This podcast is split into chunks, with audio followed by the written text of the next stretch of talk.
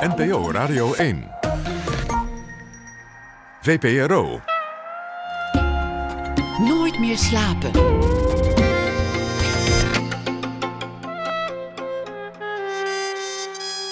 Met Pieter van der Wielen.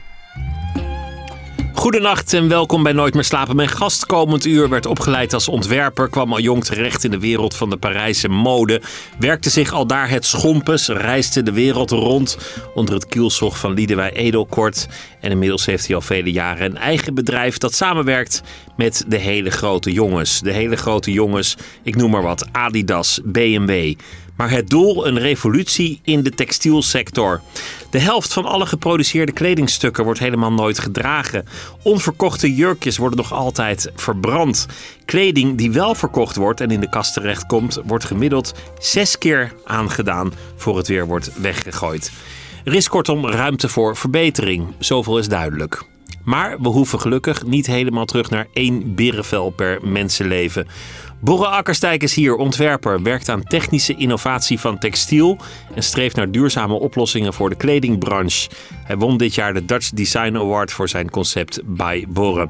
Borre Akkerstijk werd geboren in 1985. Welkom, leuk dat je er bent.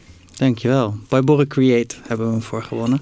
Bij Borre Create was het. Je, je, hebt, je hebt verschillende bedrijven. Het is eigenlijk een soort, soort waaier van projecten en dingen die allemaal onder dezelfde noemer vallen. Ja, ehm, ehm, en, en, trouwens, we werken voor de grote jongens en de grote meiden, uh, allebei. Uh, maar zeker, we hebben ehm, een, nou, de overkoepelende bedrijf is, is Borre eigenlijk, omdat ik ooit mijn eindwerk uh, had gestart en toen moest ik het een naam geven en toen zei ik ja. Wie heeft het gemaakt? Ik heb het gemaakt door Borre. En toen vroegen mijn Engelse collega's destijds, want ik werkte al bij Liederwij in Parijs. Die zeiden allemaal, what does it mean? Ik zo, door Borre? ik, zo, um, hij means by Borre. Well, maybe you should call it then by Borre. Zo, so, um, dat, was, dat was de start daarvan. Maar we hebben nu een overkoepelend bedrijf eigenlijk. Maar onze kern is textiel. Textiel is wat we doen, wat we maken, wat we ontwikkelen. En daaruit doen we dat voor heel veel hele grote partijen. En als showcase hebben we daar ook een, uh, een edities bij. Dus eigenlijk een, een, een, een label. Um, en aan de andere kant hebben we een digitale tool ontwikkeld om textiel te kunnen ontwerpen als maker. Zodat je eigenlijk zonder dat je alle machines moet kennen of toegang moet hebben tot alle gare leveranciers, dat je dat daar allemaal kan gebruiken en alleen maar je creativiteit kwijt hoeft. Dus voor de duidelijkheid, jij bent niet een ontwerper waar mensen misschien het beeld bij zouden hebben van acht collecties per jaar. En dat je dan op een heel gestreste avond rondloopt rond allemaal modellen met nog een potlood en een schaar om de laatste hand aan dingen te leggen en dan presenteer je iets nieuws. Dat, dat is in essentie niet wat jij doet. Nee, nee. Ik, uh, veel, veel collecties gemaakt ondertussen. Uh, en ook, ook wel wat shows gedaan. Uh, ook veel achter de schermen geweest bij shows. Dus zeker wel de ervaring daarvan van gehad. Maar um, ik denk dat het in essentie... dat het al begon bij... Eigenlijk toen ik ging studeren. Dat ik wel... Ik vond de impact die mode heeft op, op de mens. Kijk, er is niks wat wij meer mee in contact zijn dan textiel. Je wordt geboren, je wordt gewikkeld in textiel. In je hele leven ben je in aanraking met textiel. En we denken helemaal niet na wat dat textiel doet, maar we denken wel na wat die mode betekent voor ons. Dus ik, ik vond de, de, de, de, de impact van mode interessant, maar ik besefte me eigenlijk al toen ik naar de academie ging, dat ik zei van, ja, ik wil niet schetsen, ik wil weten waar het product vandaan komt. Ik wil een goed product is gemaakt van een goed materiaal. Dus ik dat ben... is eigenlijk een hele, hele eenvoudige, maar ook briljante stap. Terug naar de essentie. Wat is mode? Weinigen zullen dat antwoord geven wat evident het juiste antwoord is. Mode is textiel. Het is materiaal uiteindelijk. Ja, ja nou ja, als je... Uh, ik, weet, ik weet niet of het altijd zo op zou gaan, want dan, dan is huis ook een baksteen. Maar ik denk wel dat, dat de, het basismateriaal wat aan de grondslag daarvan ligt, dat is, dat is textiel. En daar, daar zijn verschillende uh, vezels en garen voor nodig. Dus er zijn nog wel een paar stappen nog daarvoor. Maar als je kijkt naar wat is de functionaliteit die mode uh, bij zich draagt. Dus het, het uh, aan de ene kant beschermen. eh, we, we mogen in onze samenleving, in ieder geval eh, hier in de westerse wereld, sowieso niet door de wet niet naakt rondlopen.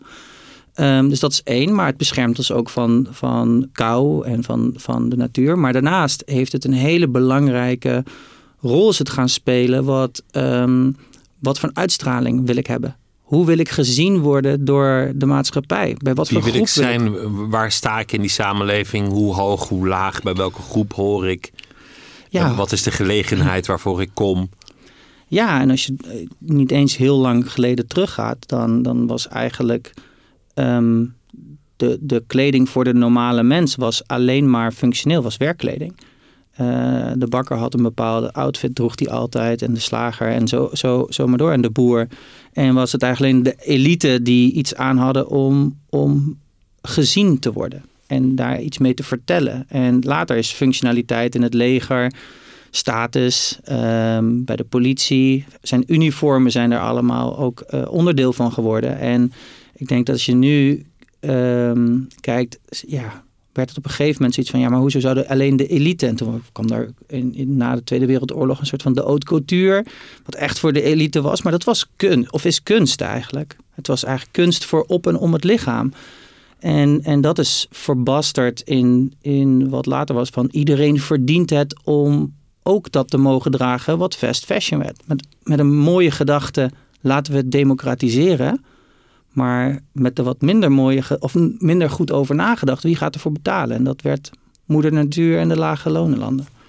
De misstanden zijn heel evident. La- Laten we eerst eens teruggaan in jouw eigen bestaan. Want zo evident is het eigenlijk allemaal niet dat jij daar terecht bent gekomen. en Dat jij nu zit waar je, waar je nu zit. Ik, ik las dat je al heel jong zelf een schoen had ontworpen. Hoe oud was je toen? Nou ja, ik vind het nog niet eens heel jong, maar ik had wel mijn, ehm, mijn wat vlak na de middelbare school. Dus ik was 16. Ehm, en ik had net eh, één jaar industrieel productontwerpen geprobeerd, maar wat ik iets te technisch vond. En mijn tante die vroeg eigenlijk al, al veel eerder, een, een van mijn tantes, altijd voor haar schoenenmerk, zei ze altijd, welke kleuren vind je mooi, welk materiaal? En ze vroeg altijd gewoon om mijn mening. En, en eigenlijk, om eerlijk te zijn, zelfs op jonge tienerleeftijd nam ze me heel serieus daarin. Dus ze had, ze had al gezien dat jij daar oog voor had. Ja, ik denk zelfs al vanaf mijn vijfde dat ik altijd de knopen en de rits en de stoffen, dat ik, ik, wa- ik wa- was daar altijd heel benieuwd naar. Eh, maar toen ik dat tussen, toen ik dat de IPO ging stoppen, eh, wat iedereen zoiets had van, oh nee, hier gaan we. Borre gaat ook niks afmaken. Ehm, toen zei zij, weet je wat, vind je het niet leuk om mee te gaan naar al onze salesmomenten Ehm, eh, voor op de schoenenbeurzen? En toen had ze net een dochtertje gekregen, mijn nichtje, waar ik ook veel op paste. En toen zei ze, ik ga ook kinderschoenen ontwerpen. En elke schoen die ze ontwierp, werd een meisjesschoen. En ze zei, het lukt me gewoon niet om een jongensschoen te ontwerpen. En toen zei ze, wil jij dat doen? En dat heb ik, heel, heb ik echt heel serieus genomen. Ik heb echt... Veel, ik ging veel met de trein en ik was veel op straat. En ik had altijd een boek bij me en altijd maar schetsen en tekenen. En, en uiteindelijk zijn daar na, eh, ik denk dat ik er een, echt een half jaar mee bezig ben geweest. Gewoon een vol seizoen hebben we daar de drie beste uitgekozen. En was één was een soort van met een hoge schoen met een staart die recht omhoog ging over de hiel. Dus een soort van dinosaurus. En dat werd het jonge schoentje die eigenlijk uiteindelijk ook nog echt goed verkocht heeft ook. Dus meteen eigenlijk een goed ontwerp gemaakt in die zin. Ehm, nou, in ieder geval iets, iets, iets, iets leuks. Ik denk dat het vooral wel verkocht werd omdat dat, dat zij een redelijk goed merk had op dat moment. Die eh, ineens de kinderschoenen ingingen en waar een heleboel wat, ja, soort van wat chicere vrouwen die dat zelf hadden. Oh, Kop en Staart heeft ook kinderschoentjes nu. Maar als je een schoen kan ontwerpen, kan je de wereld ontwerpen. Zo, zo zie ik dat toch wel, geloof ik. Wauw, ik weet niet of ik daar ooit zo over na heb gedacht. Maar ik zou wel eerlijk zeggen dat de supersterren uit de modewereld, dat er echt wel, wel wat sneakerontwerpers bij zijn. En ik denk dat de sneaker wel de meest aangehaalde, eh, het meest aangehaalde product is als je met andere ontwerpers praat over interieur, mode, automotive. Dat er altijd wel in het moodboard een sneaker zit. Dus ik, als je het zo zegt, zou ik het niet ook meteen ontkrachten. Je, je bent opgevoed door je moeder voornamelijk. Je, je vader was lange tijd uit beeld. Wel altijd uit beeld. Eigenlijk, eigenlijk nooit echt in je leven geweest. Ehm, nee, Nee, hij is weggegaan toen, toen ik vijf was bij, ons thuis. En eh, toen heeft mijn moeder het, het op zich genomen. En toen zijn wij ook verhuisd. En gelukkig daarin ook mijn opa en oma. Uh, we verhuisden toen naar Nijmegen toe. Waar ik uh, um, ja, veel al bij mijn opa en oma was. Een paar keer per week daar sliep. En dat groeide eigenlijk zo uit de loop der jaren dat ik de, de week verdeelde in opa en oma, thuis, de buren en vrienden.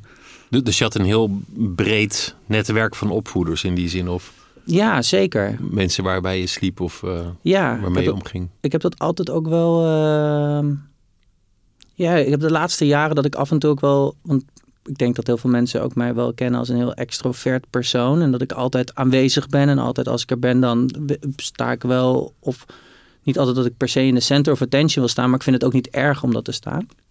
En mensen merken wel als je er bent. Ja, ja, ik ben groot natuurlijk, gewoon lang. Uh, Dus mensen zien me niet snel over het hoofd. Maar ik, ik, door de loop der jaren denk ik ook wel dat, dat, een, dat ik daar toen ik jong was, daar ook wel deels in geforceerd ben. Omdat je niet een onvoorwaardelijk thuis hebt. En dat je dus niet altijd maar de. Ja, je kan niet zomaar boos zijn als je te gast bent. Of je kan niet zomaar verdrietig doen. Of, dus je moet altijd maar een soort van: hey, ik ben er ook. En om de aandacht vragen. En dat um, heeft me aan de ene kant ook heel veel gebracht. Is nooit bang om in een gezelschap te zijn. Het heeft je, wel positief hoe je dat ziet. Het heeft je sociale kant aangewakkerd. Oh ja, 100 procent. En, en, en jouw zusje was een tijd ziek. Dus jouw moeder die zat dan met, met een zoontje en een dochtertje waarvan één ziek was. Die heeft, die heeft best een zware tijd gehad, denk ik. Ja, goed onderzoek gedaan. Uh, nee, mijn zus is, is, is heel lang ziek geweest zelfs. Uh, van mijn vijftiende tot en met mijn negentiende. Um, waar ze um, um, veel, veel uh, kuren kreeg en waar, waar er eigenlijk elke week momenten waren dat het eigenlijk zo was van nou, het is maar beter dat we nu dat je even niet thuis bent, omdat mijn zus dat heel zwaar vond en dat wat het ook heel zwaar was. Um, dus voor mijn moeder was dat wel uh, heftig, want ze werkte fulltime. Daarnaast moesten er s'avonds nog bijwerken om rond te komen. Um, mijn zus was, was echt uh, heel ernstig ziek. En, en ik was gewoon een soort van, ja, ook in mijn puberleeftijd. Dus toen was het wel vaak van, zou, zou je het weekend niet alsjeblieft er niet kunnen zijn? Een, een beetje half zwervend bestaan zonder echt een heel erg vaste basis had je? Uh, ja, ik denk, denk rond die leeftijd zeker wel. Dat dat wel een, um, um, ja, als ik het zelf niet doe, dan doet niemand het gevoel was. Maar on, ondanks dat er natuurlijk echt heel veel mensen om me heen waren waar, waar ik wel terecht kon. Het was niet zo dat ik geen dat er geen huis was. Dus het is, het, het is denk ik voornamelijk een, een meer een emotioneel iets waar je mee moet struggelen um, dan dat je uh, dan, ik, ja, dan dat er een soort van dat er geen, helemaal geen eten of geen, geen huis was. Als ik het zelf niet doe, dan doet niemand het. Is, is dat nog steeds je mentaliteit? Nee, zeker niet. Nee, ik denk dat. Um, ik denk eigenlijk meer dan ooit dat het. Um, ja, ik denk heel veel dingen die als je het een keer meemaakt, dan kan je er iets over zeggen. Um, en als je heel veel voor jezelf doet en heel vaak jezelf op het podium zet en heel vaak uh, ervoor vecht en, en vaak faalt, maar ook vaak wint, dan kan je op een gegeven moment ook zeggen dat het, het, het gevoel waar ik het meest uh, nu omgeef is denk ik het gevoel van dat je iets kan delen. En dat je iets door kan geven. En dat je um, ja, dat dat uh, uiteindelijk veel meer is dan dat ik van oh, ik moet voor mijn eigen hachie hier um, voor, voor knokken. Maar dat, dat kan ik nu ook zeggen omdat je daar ruimte voor hebt. Hoe ben je eigenlijk terechtgekomen in, in de wereld van het ontwerpen? Was die schoen daarin belangrijk of is er een ander moment geweest dat je realiseerde dat dat het moest worden? Nou, zijn, ik denk wel dat, dat dit, wat we hiervoor zeiden, dat dat op elkaar aansluit. Er waren een heleboel mensen die zich wel om mij bekommerden. En ook wel altijd zeiden van. Um, um, die, die mij advies gaven. Dus ik had niet echt een.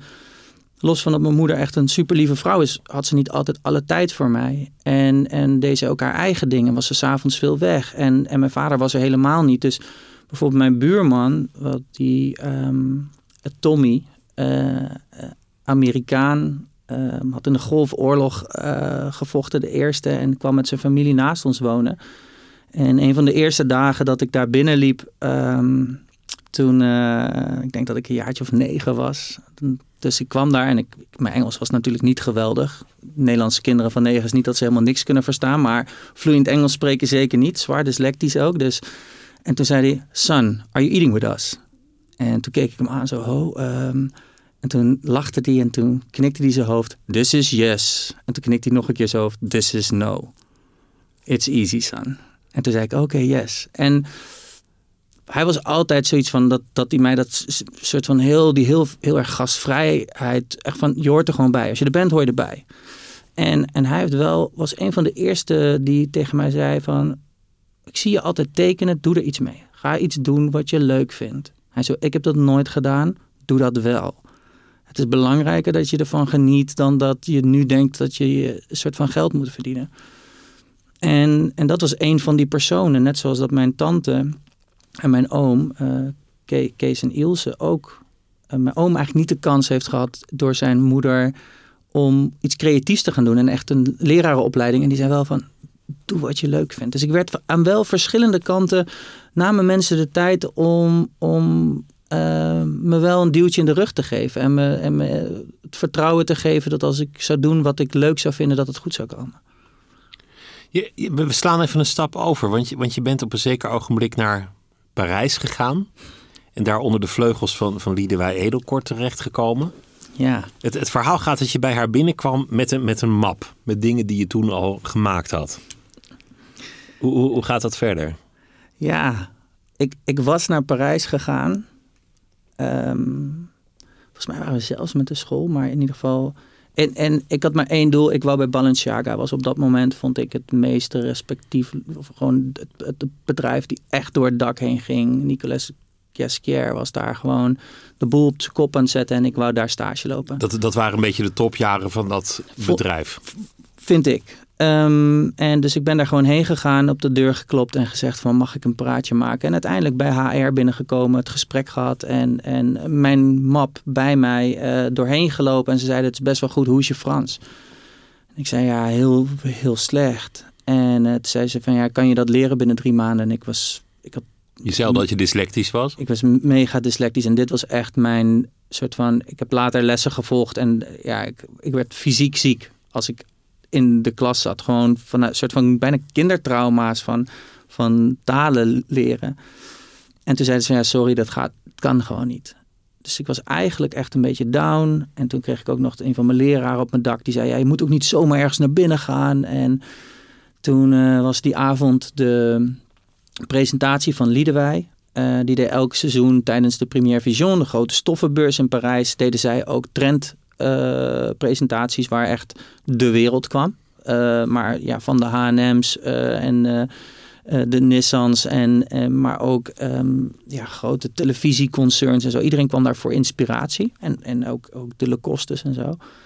En ehm, toen, ehm, toen werd Liedewij aangetikt door een vriendin van mij die daar stage liep. En zij had ook wel een goede klik. Als je van de Design Academy afkwam, had je altijd wel een streepje voor. Want dat was haar...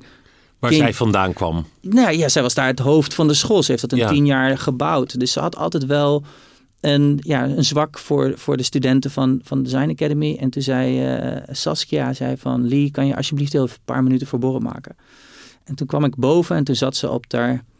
Ja, campana-stoel, gebroeders campana van die houtjes, wat ik altijd een soort van, ja, best wel een ding. En toen zei ze, nou oké, kom maar. En toen sloeg ze het ding op en zei ze, hmm, ja, leuk, hmm, ken ik wel, ja, ken ik wel, hmm, mooi, mooi.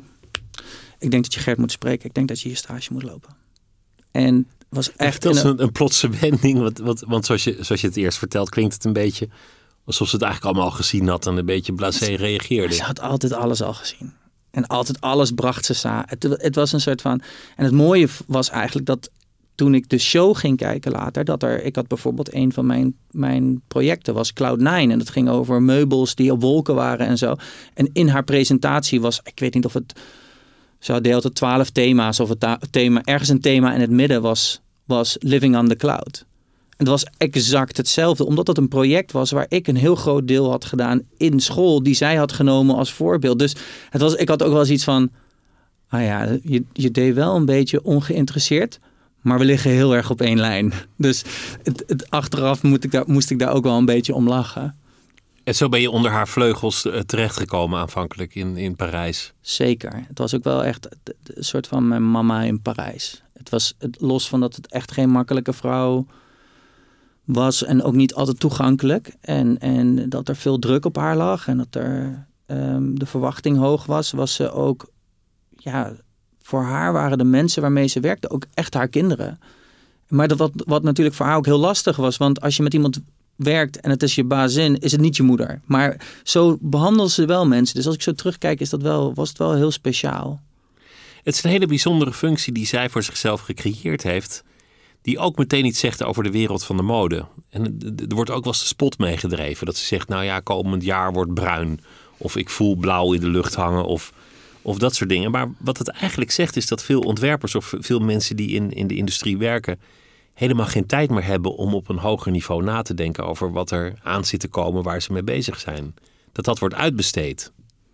ik denk dat dat heel scherp is. Ik denk uh, dat uh, de glazen bol van Liedenwijs is de spot waar je dan een beetje waar, waar mensen om lachen. Maar het, als, je het, als je naar de volksmond terug, want een, een studio de tendance of een trendforecasting, nou ja, het is gewoon een inspiratiestudio. Um, en die inspiratie, als die goed genoeg is en het sluit aan op wat er gaande is. Want Kijk, er kan veel gezegd worden over Liedewij, maar ze had een, een immens gevoel voor wat er gaande was. En omdat ze die plek had, kwam ook alles naar haar toe. Dus of Philips nou vertelde wat ze allemaal gingen doen, of Nissan Micra, of Volvo, of uh, de modemerken, alles, de innovaties werden allemaal bij ons gedropt.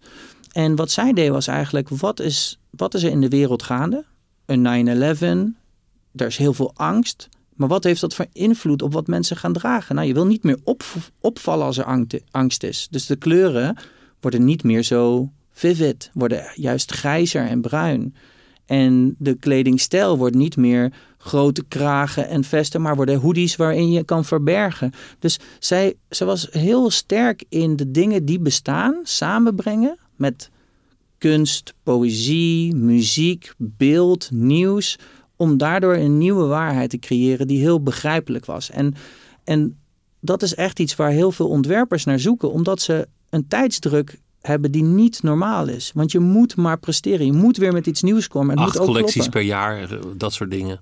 Ja, ja en, en, en, of hele grote collecties. Of, eh, en, de verwacht, en, en, en echt onderzoek doen en dan met iets anders komen is ook nog gevaarlijk. Want dan, ja, als je te veel afwijkt, mis je de trend. Dus het werd op een gegeven moment ook een soort van de self-fulfilling prophecy van ja, Lee is één van de grote pilaren waar mensen naar kijken. Dus als je dat volgt, zit je altijd wel ongeveer goed.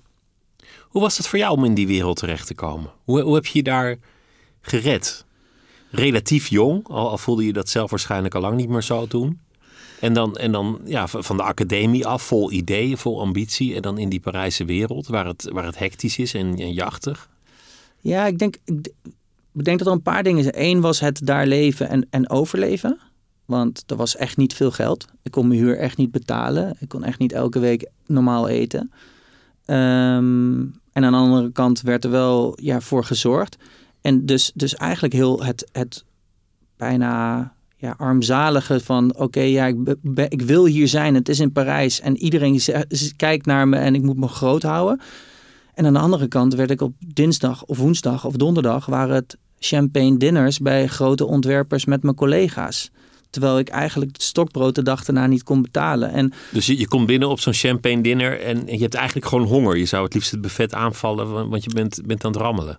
Ja, maar dat, dat, dat, dat doe je niet dat, natuurlijk. Nou ja, dat was geen probleem. Dat zou ik dan wel. Ik was, ik was ook niet zo. Ik was niet echt bang of zo. Um, nee, maar het was wel. Het was voornamelijk heel gek. En ook, ik werd natuurlijk wel in de slip. Want het is een hele kleine studio was het. En ik kreeg wel gewoon ik denk dat ik na mijn, of in mijn stage al had ik mijn eigen klanten. En van, oh ja, presenteer jij het maar. Oh, ga jij er maar heen. En oh, wacht, eh, alle shows zijn. Ja, hier zijn alle shows en kaarten waar we heen kunnen. Ehm, ja, pak jij die allemaal van Liederwij maar. En dan zat je dus first row op een modeshow. Dus het was eigenlijk een soort van meteen... Je kwam in een soort van gouden kooi meteen binnen. Wat later ook wel tegen me gezegd werd. Na een paar jaar zeiden ze, Borre... Je moet nu je eigen ding gaan doen. Want anders, ja, je, anders word je te verwend. En dan word je een soort van... Ja, oh ja, maar ik wil wel business class vliegen. Terwijl dat... En dan, dan, kan je niet meer voor jezelf beginnen als je op dat niveau begint. Dan, dan, nee, dat was dat is niet realistisch natuurlijk dat je meteen business class, kan vliegen als het je eigen bedrijf is. Nee, totaal niet. Totaal niet. En, en dat was gelukkig, dat, werd, dat waren ook de uitstapjes en dat waren ook de, de, grappen die gemaakt werden. Maar dat was wel de realiteit dat als ik met een van mijn collega's vloog, zo van, ik kan je maar alsjeblieft upgraden, dat die wel naast me zit. En ik denk dat dat, um, dat, dat heel goed was. Het was insane voor mijn netwerk. Want mijn netwerk ging natuurlijk open. Ik, ik, kreeg kansen uh, vanuit de studie uh, door de ontwerpers waar ik mee werkte. Mijn eerste kans door Maarten Baas om in het Textielmuseum te werken.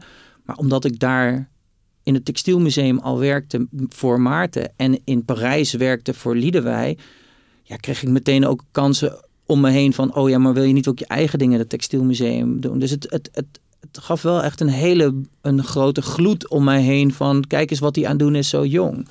Uh, dus ja, het heeft mij gebracht dat ik mijn eindwerk met topfotografen schoot. Omdat ik dan eigenlijk die klus voor Liedewij aan het doen was. En weet je wat, dan schieten we de dag erna jouw eindwerk. Een prachtige ingang. Voor wie het inschakelt, uh, Borre Akkersdijk uh, zit tegenover mij. En we hebben het over uh, zijn, zijn bedrijf en alles wat hij doet op het gebied van textiel. Ik noemde in mijn inleiding een beetje de misstanden die er in de, de modewereld zijn. Ik denk dat heel veel mensen dat inmiddels ook wel weten, want het wordt vaak gememoreerd. Misschien wel omdat het zo zichtbaar is. Misschien omdat we allemaal met kleding in aanraking komen, de keus moeten maken: wat draag ik, wat draag ik niet. Ik geloof dat er in heel veel andere sectoren ook misstanden zijn die minder in de publiciteit komen. Dat moet ook gezegd. Maar de inefficiëntie van, van het kledingrek is eigenlijk nog steeds ongelooflijk. Als je van, van het begin naar het eindproduct gaat en ziet wat er onderweg sneuvelt van zo'n labstof. Dat, dat, dat, blijft, ja, dat blijft onthutsend. Ja, ik, ik, ik, eigenlijk hoop ik dat het zover is als jij het schetst. Ik dat denk, iedereen dat weet, bedoel je? Ja, want ik denk eigenlijk dat er, dat er helemaal geen inzicht is in, in, um, in waar het vandaan komt. Um, over het algemeen, kijk, we dragen allemaal kleding. En het is maar de reden waarom we kleding dragen is om wat, wat willen we er zelf mee uitstralen. En er staat maar één ding op het prijskaartje en dat is de prijs die het voor jou is in euro's. Maar het is niet hoeveel energie erin is gegaan of hoeveel rauwe materialen er nodig waren om tot dit product te komen, maar dan de hele productie, niet alleen dat stuk. Want er is zoveel, er zijn zoveel stappen, waardoor eigenlijk, en die stappen zijn allemaal zo groot dat het silo's op zichzelf zijn geworden, die allemaal ehm, andere silo's niet meer nodig hebben. Waardoor ja, je niet meer kijkt naar het gehele proces. Van hey, hoe zouden we het, het gehele proces beter kunnen doen? Dus ik denk dat de, de vraag waar wij ons veel mee bezighouden is, is, is niet. Ehm, ja, hoe kunnen we het product. Want heel veel mensen komen bij ons. Ja, hoe kunnen we een sustainable product maken? En de, ja, ik denk dat dan de eerste vraag is. Maar wacht even, zullen we even een stap terug gaan? Waarom moet je een product maken? En ik snap, ja, omdat we deze nummers moeten halen. Ja, maar de zijn ook die mensen die het aan gaan hebben. En ik denk dat die business op zichzelf, die kijken niet meer naar wat er echt verkocht wordt, wat er echt gedragen wordt. En ik, ik, ik denk dat er in deze industrie dus zoveel grote silo's zijn waar niet ingekeken worden, dat, dat er geen sprake is van keuze maken. Want er is geen transparantie. En als er geen transparantie is, kunnen we geen keuze maken. En dat is denk ik ook precies wat wij proberen aan te kaarten door te zeggen van oké, laten we even helemaal teruggaan. Je hebt makers. De makers zijn degene die de vragen kunnen stellen. Die kunnen de vragen stellen aan hun eindgebruiker, aan de bedrijven waarvoor ze werken en kunnen het, de, de industrie in gaan vragen wat ze nodig hebben.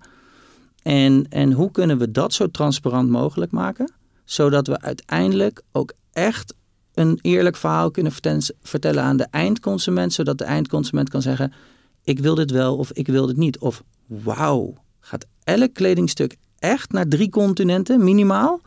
En is elk, voor elk kledingstuk eigenlijk twee keer zoveel materiaal minimaal gebruikt dan, dat, dan het erin zit. Omdat de rest wordt weggegooid. Omdat er overproductie in de garen, overproductie in de stof, overproductie in de kledingstukken. En niet alle kledingstukken gaan naar de winkel en niet alles wordt verkocht. Dus er zijn er is hier niet één antwoord, maar het is iets waar we allemaal mee in aanraking zijn. En dan heb je nog, nog grotere vraag is het moment van verkoop. Alles is gebaseerd op alleen maar het moment van verkoop. En daar moet alle winst gedraaid worden en alle rotzooi bekostigd worden. En dan is de incentive, hoe kunnen we zoveel mogelijk marge maken en zo hard mogelijk iedereen uitknijpen.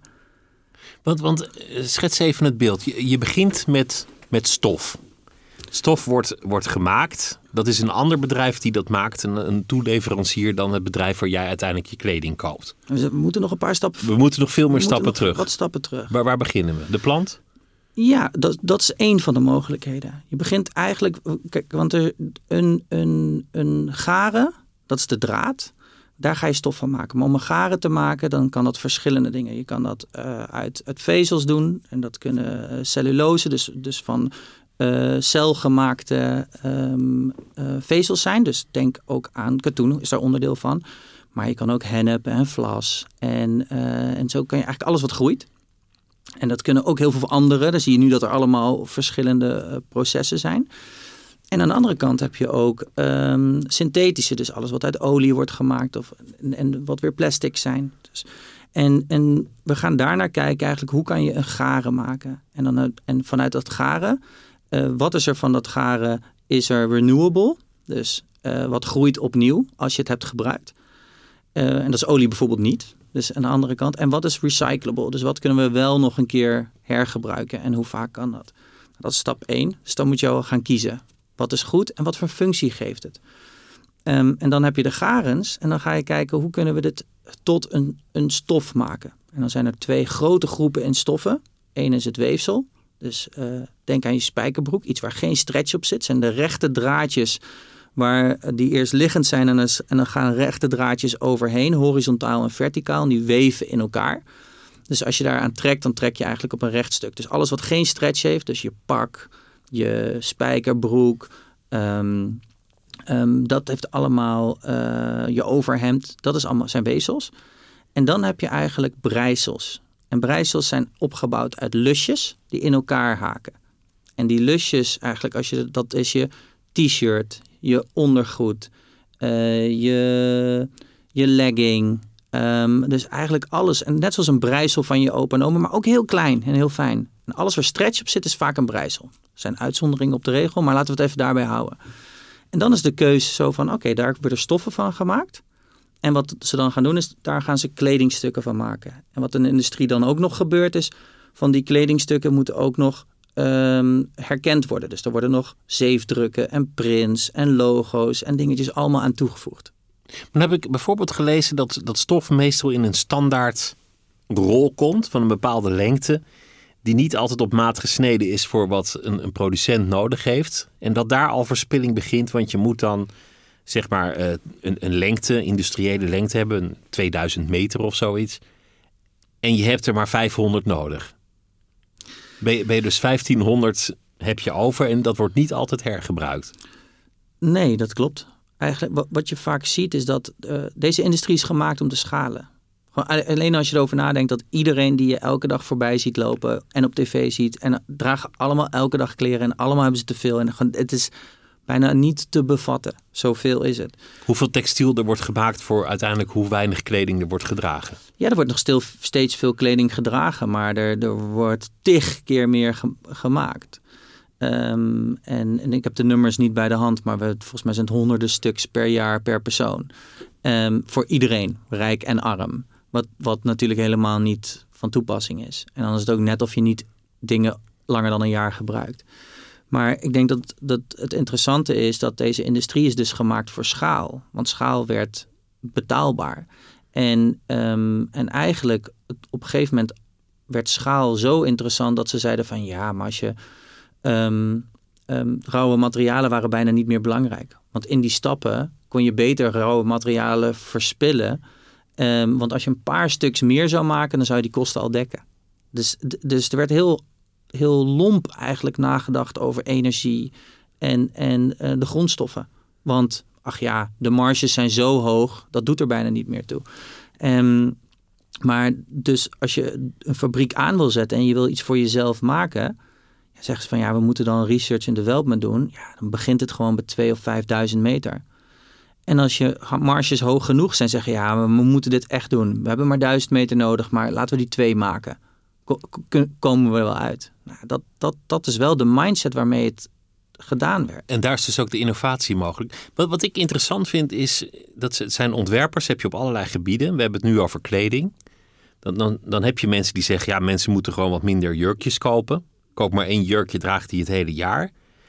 Maar je hebt ook ontwerpers die erkennen de menselijke behoeften, bijna als een gegeven. Erkennen de tekortkomingen, de schade. Dat is, dat is natuurlijk een andere manier van denken. Dat zegt, ja, kan mij die verspilling schelen? Of ik, ik sluit mijn ogen daarvoor of ik kijk weg. Maar interessant wordt het als je beide doet. Je erkent de 100%. behoeften en tegelijk erken je ook de problemen. En je gaat op zoek naar een manier waarop je beide kan, kan invullen. Ik denk dat dat altijd belangrijk is. Want als je, dat niet, als je alleen maar ontwerpt voor het ontwerpen, dan denk je dus ook niet na voor wie. Dan is het alleen maar Alleen maar rammen. Ja. Ja, exact. Ehm, en, en, en ja, er zijn er heel veel van. Maar ik denk dat het ook. De erkenning is belangrijk. Maar ik denk ook dat de vraag waar, dat, waar ligt de oplossing? Want er zijn, ehm, er zijn zoveel stappen. Wat er nu gebeurt veel is dat mensen zeggen: Wacht, ik herken wel de stappen. En weet je wat? Ik pak er één stap uit. Die verbeter ik. Daar zet ik een spotlight op. Een soort van spotlight marketing. Kijk eens hoe goed ik die stap heb gedaan. En, en dat is een klein beetje het probleem. Want als je alleen al zegt, een kledingstuk gaat gemiddeld naar drie continenten. Wat denk je dat dat reizen kost? Wat voor een energie? Dus het, het, de vraag waar, waar ik persoonlijk heel veel mee bezig ben en wij als bedrijf, maar ik denk ook de industrie, is, is er is maar één weg naar, naar een oplossing. En dat is radicale transparantie naar elkaar.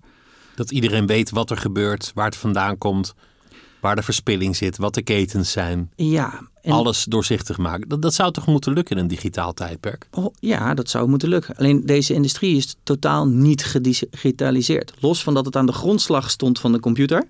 Dus alle bits en bytes. Dat de, de, het binaire systeem komt van het weefgetouw. Ehm, maar ehm, het, het binaire systeem is niet doorgevoerd. En, en of de digitalisering is niet in de textielindustrie. Eigenlijk nog steeds een analoge industrie in die zin. Ja, grotendeels wel. En ook als je iets goed doet in die industrie, wil je dat ook beschermen. Dus niemand ge- geeft zijn, zijn, ehm, zijn fabriekenprijs. Niemand geeft waar ze alles vandaan halen prijs. Omdat ze zoiets hebben van ja, maar dan wordt het gekopieerd. Hoe zit jij dan aan de tafel met, met wat ik noemde de grote jongens en jij zei terecht en de grote meisjes? Want, want jij werkt inmiddels met, met tal van hele grote bedrijven samen. Ze komen ook naar jou toe met vragen, allerlei soorten opdrachten. Wat, voor gesprek is het dan? Is, is het dan dat jij gewoon daar kan gaan zitten en zeggen, nou, alles moet anders? En, en vind je dan een luisterend oor? Hoe werkt zoiets? Nee, nee zeker niet. Ehm, ik denk wel dat, dat, dat we het benoemen. Dat dingen anders moeten. Ik denk dat voornamelijk waarom mensen bij ons komen. En ook eigenlijk de reden waarom ik op een gegeven moment ook weg moest bij Liederwij.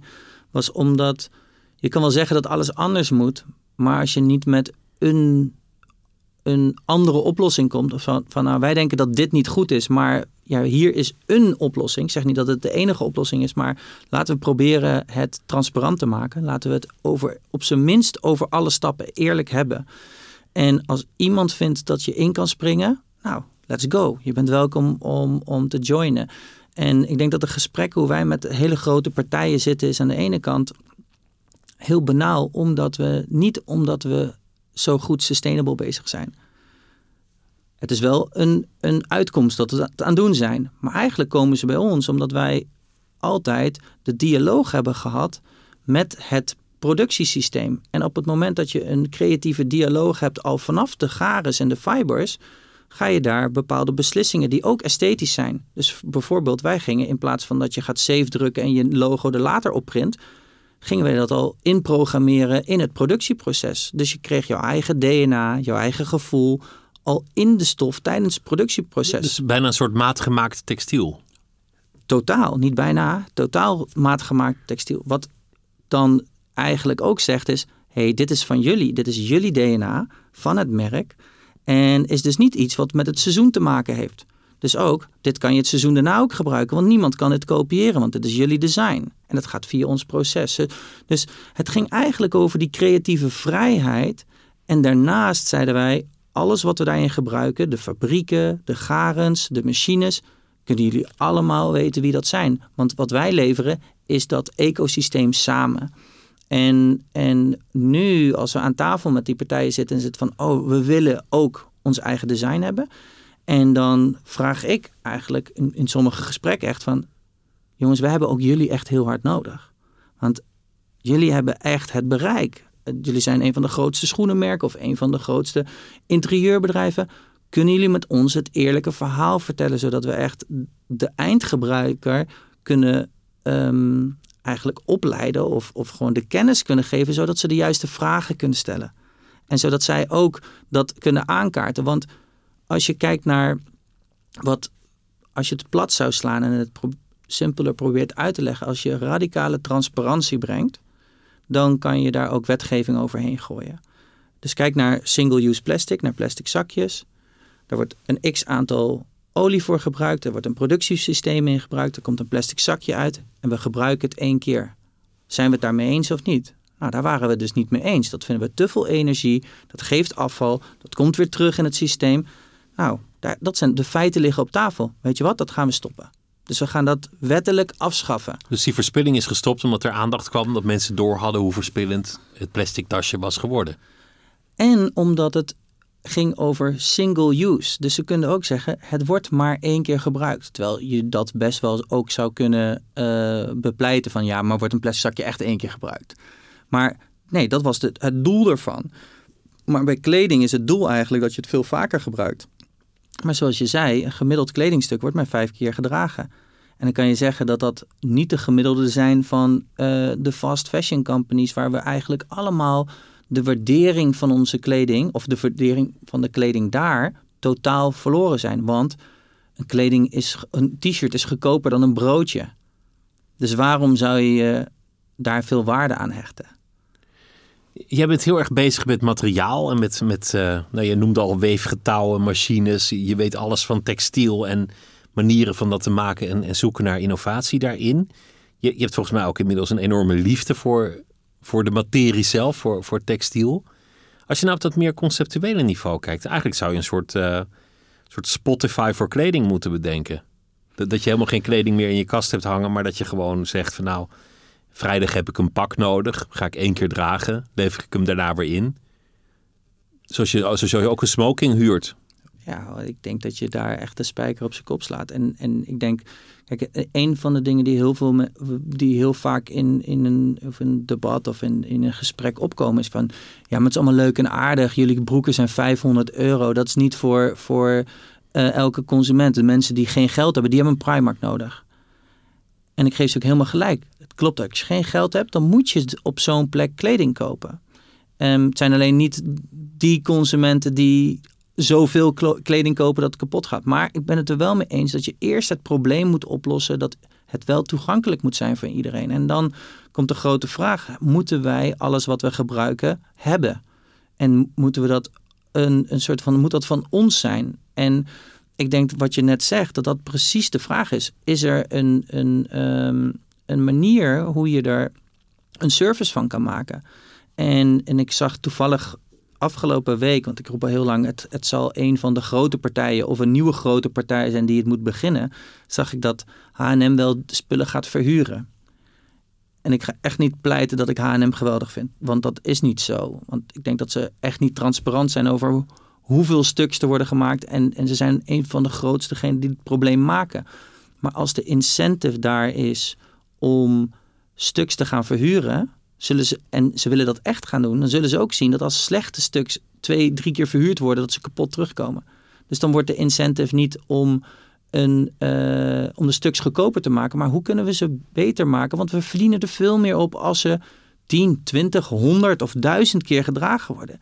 En dan keer je zo'n hele wereld om. En dan ga je ineens de mensen die eigenlijk geen geld hebben, die ownen misschien niet al hun kleren, maar die kunnen wel gewoon elke maand er goed uitzien. En dan is dat is exact hetzelfde verhaal met een Spotify. Je hoeft niet alles op LP of CD te hebben.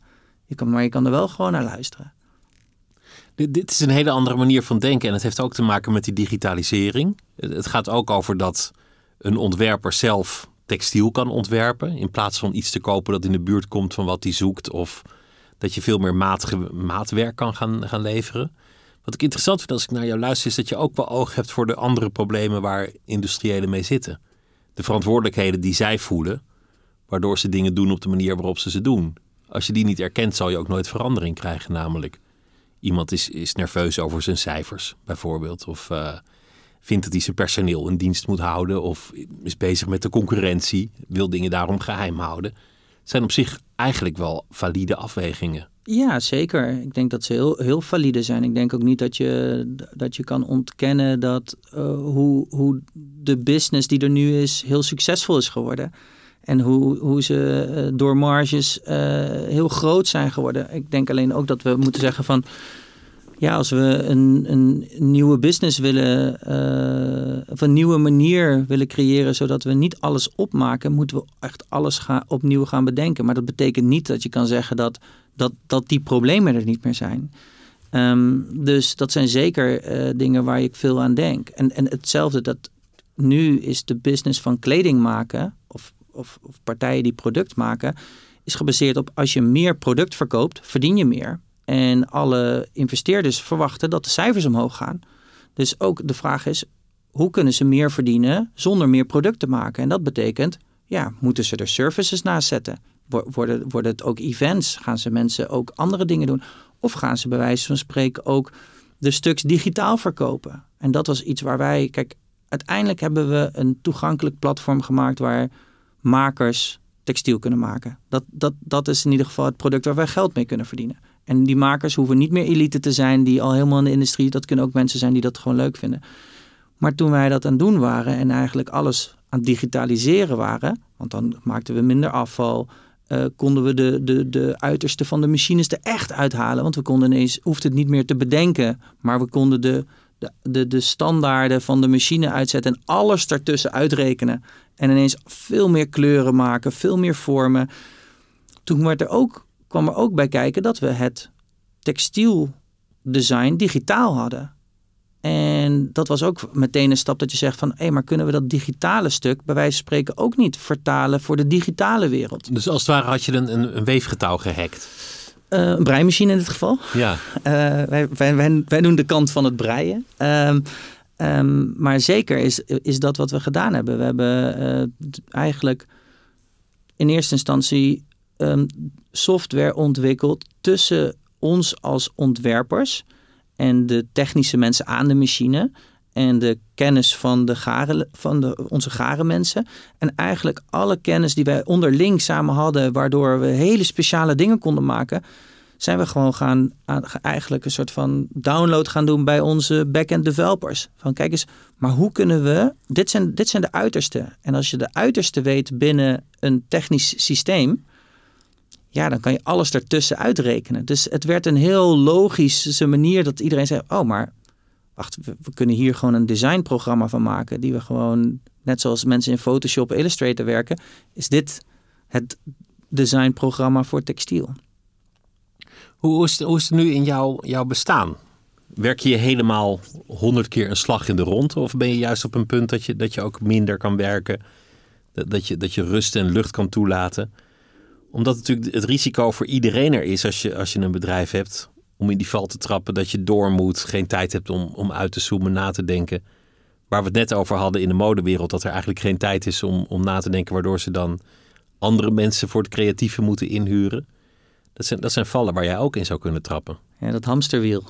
Ja, het hamsterwiel. waar je dan in één keer in zit. Ehm, nou, ik denk dat er een paar, een paar dingen zijn. Probeerde het laatst, had ik wat jongeren die dan net afgestudeerd en die vroegen eigenlijk van... Hoe weet je nou dat wat je gaat doen het juiste is en dat het de juiste richting was? En toen dacht ik, en, en de vraag kwam de hele tijd terug. Dat ik echt dacht, ik toen dacht ik, maar je weet dat gewoon niet. Dus, dus Je, je neemt een afslag omdat je dat interessant vindt, Ja. omdat het je aanspreekt en, En als je, je weet het niet. Nee, en als dat toevallig succes heeft, dan denk je, hé, hey, dat blijf ik doen en dan ga je dat herhalen.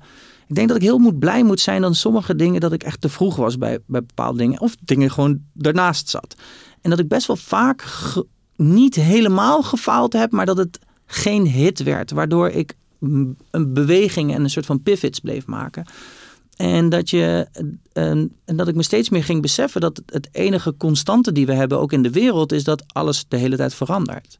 Dus je kan ook niet één succesding maar blijven rennen en dan alles erop zetten. Dus aan de ene kant was ik wel de hele tijd te veranderen, heel hard aan het werken. En toen besefte ik me beter en beter dat ik, niet, dat ik vooral niet goed was in alles. En dat ik op een gegeven moment zat met allemaal innovaties. Met jarenlang, of iets van vijf jaar lang, voor echt topbedrijven te hebben gewerkt. En allemaal schouderklopjes heb gehad op de grootste stages heb gestaan voor duizenden mensen, in de beste magazines heb gestaan en letterlijk terugvloog business class en weer bij de Albert Heijn geen 15 euro boodschappen af kon rekenen. En dat ik echt dacht, fuck, ik ben geen businesspersoon. Toen heb ik mijn hand opgestoken in mijn netwerk en gezegd, wie kan me helpen om met alles wat ik nu heb Iets gaat hier mis. Ik, ik reis de wereld rond, ik, ik heb succes, ik werk met schompers en uiteindelijk sta ik tegenover die cashier geen saldo. Ja, exact. En, en nu is het, het. Ik merkte gewoon dat dat de. Ja, uiteindelijk als je niet kan eten, dan is het, gaat toch echt iets verkeerd. En, ehm, ehm, en toen heb ik gewoon mijn hand opgestoken van ik heb hulp nodig. En ik denk dat die vraag van ik kan het niet alleen en kan iemand me helpen. Hier ben ik goed in. Ik kan heel goed dingen samenbrengen. Maar kan het eigenlijk niet, ja, ik kan het niet herhaaldelijk aan de man brengen. Ik kon een visie verkopen, eenmalig en een verhaal. En toen ik mijn businesspartner eigenlijk kreeg, die zijn derde bedrijf aan PostNL verkocht, Ar- Arnoud Haverlag. Toen in eerste instantie had hij ook nog iemand anders naast hem. Toen, die hadden hele andere eh, ideeën daarover. En die hadden gewoon zoiets van, ja, maar dit, er zit toekomst in, maar hoe kan je dat uitbreiden? En ik denk, die challenge en dat letterlijk leren delen van wat je, je eigen idee is, van oké, het is niet meer van mij. Dat was het engste wat ik ooit heb gedaan. Maar dat heeft me ook het meeste lucht gegeven. Ik ga eerlijk zeggen, ik denk dat op het moment dat Arnoud echt mijn zakenpartner werd. Ja, dat, er viel echt een, een, een zo'n enorm gewicht van mijn schouders. Dat ik ineens alles kon delen. De problemen kon delen. En dat iemand daar zoveel meer verstand van had. En echt net, net zo hard. En nog, werk nog veel harder dan dat ik werk. In, gewoon als ik de eerste die er is. De laatste die weggaan. Altijd op zijn mail. En, en dat ik toen ineens dacht van, oh wacht, ik hoef het niet meer alleen. En, en dat hij ook heel duidelijk zei, ja, maar dit moet jij doen, hier ben je ook goed in. En dat het een, ineens een balans werd. En dat groeide uit tot, wel, eerst vijf, tien. En we zitten nu bijna met vijftig man. Waar bijna al die mensen veel beter zijn in wat ze doen dan ik ooit had kunnen doen. Dus ik heb echt wel ehm, meer rust. Ik zeg niet dat ik minder werk. Alleen ik hoef niet meer zoveel dingen te doen die ik echt niet kan. En ze geven me ook de ruimte om te zoeken naar wat is die verandering in zo, als het bedrijf groter wordt. Want ik, ik run het bedrijf niet. Ik ben degene die ja, een deel van de Eigenlijk visie de creative. Heb, je, heb je meer, hoe, want je zei, ik, had- ik had eigenlijk nooit één veilige basis. Ik moest me altijd door heel veel verschillende bases heen bewegen. En, en overal het mezelf en anderen naar de zin maken. En, en zorgen dat ik daar een plek verwierf. Hoe, hoe is dat nu eigenlijk? Zijn er, zijn er avonden thuis op de bank? Of heb je een, een, een nest voor jezelf weten te creëren? Want de bank is wel een goed verhaal. Ik, ik probeer denk ik al, al vijf jaar wil ik een bank. Je hebt geen bank. En ik heb geen bank. Ik heb een grote tafel waar we met eh, wel echt 16 man aan kunnen eten. Eh, maar geen bank. Bank komt wel. Daar moet je Ehm, geen geld in uitgeven, bank. Dat Nou, sterker nog, ik, ik heb zelfs ik, ik heb hem besteld, maar de, de, de, een deel daarvan heb ik ooit van, voor mijn verjaardag van vrienden gekregen. En dat was, heb ik altijd apart gehouden. Zo van een soort van: oké, dit komt nog. Eh, dus nu komt hij ook echt. En ook de bank die ik toen al wou.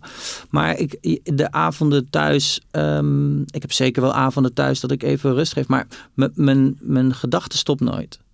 Dus het is wel zo dat ik altijd bezig ben met vorm, met ideeën. Dat ik juist geprikkeld word door gesprekken. Ik word juist geprikkeld door andere industrieën. Ik denk dat de voedselindustrie mij meer prikkelt dan, dan dan een modemerk of zo. Dus ik ben me heel vaak wel met andere dingen bezig. En ik koppel dat altijd terug van... hé, hey, maar wat zou dit voor ons betekenen? Want je hebt ook met autobedrijven samengewerkt. Met uh, een katholiek klooster. Met, met poolreizigers. Met, nou, je, je noemt het maar. Eigenlijk zoveel verschillende projecten.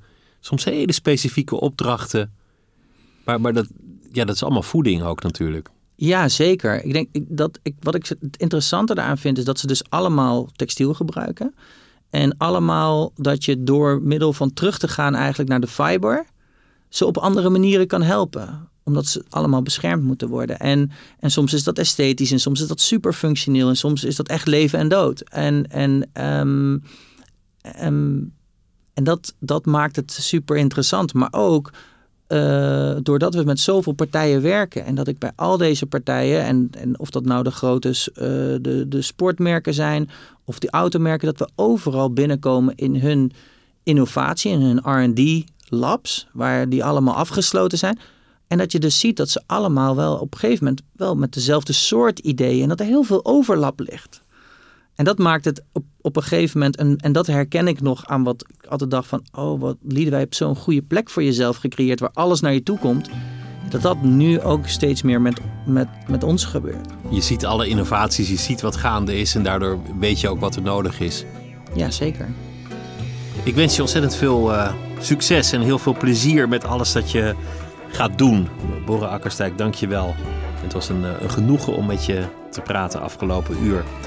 Morgen in Nooit meer slapen. Dan zit hier uh, Lotje IJzermans en die gaat in gesprek met Ramsi Nasser.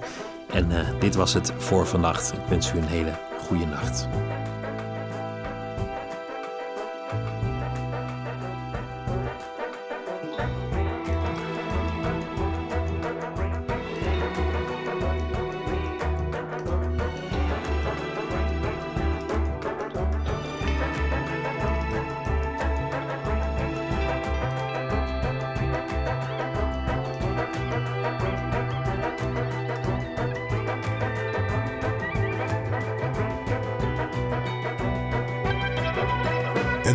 Radio 1. Wie luistert, weet meer.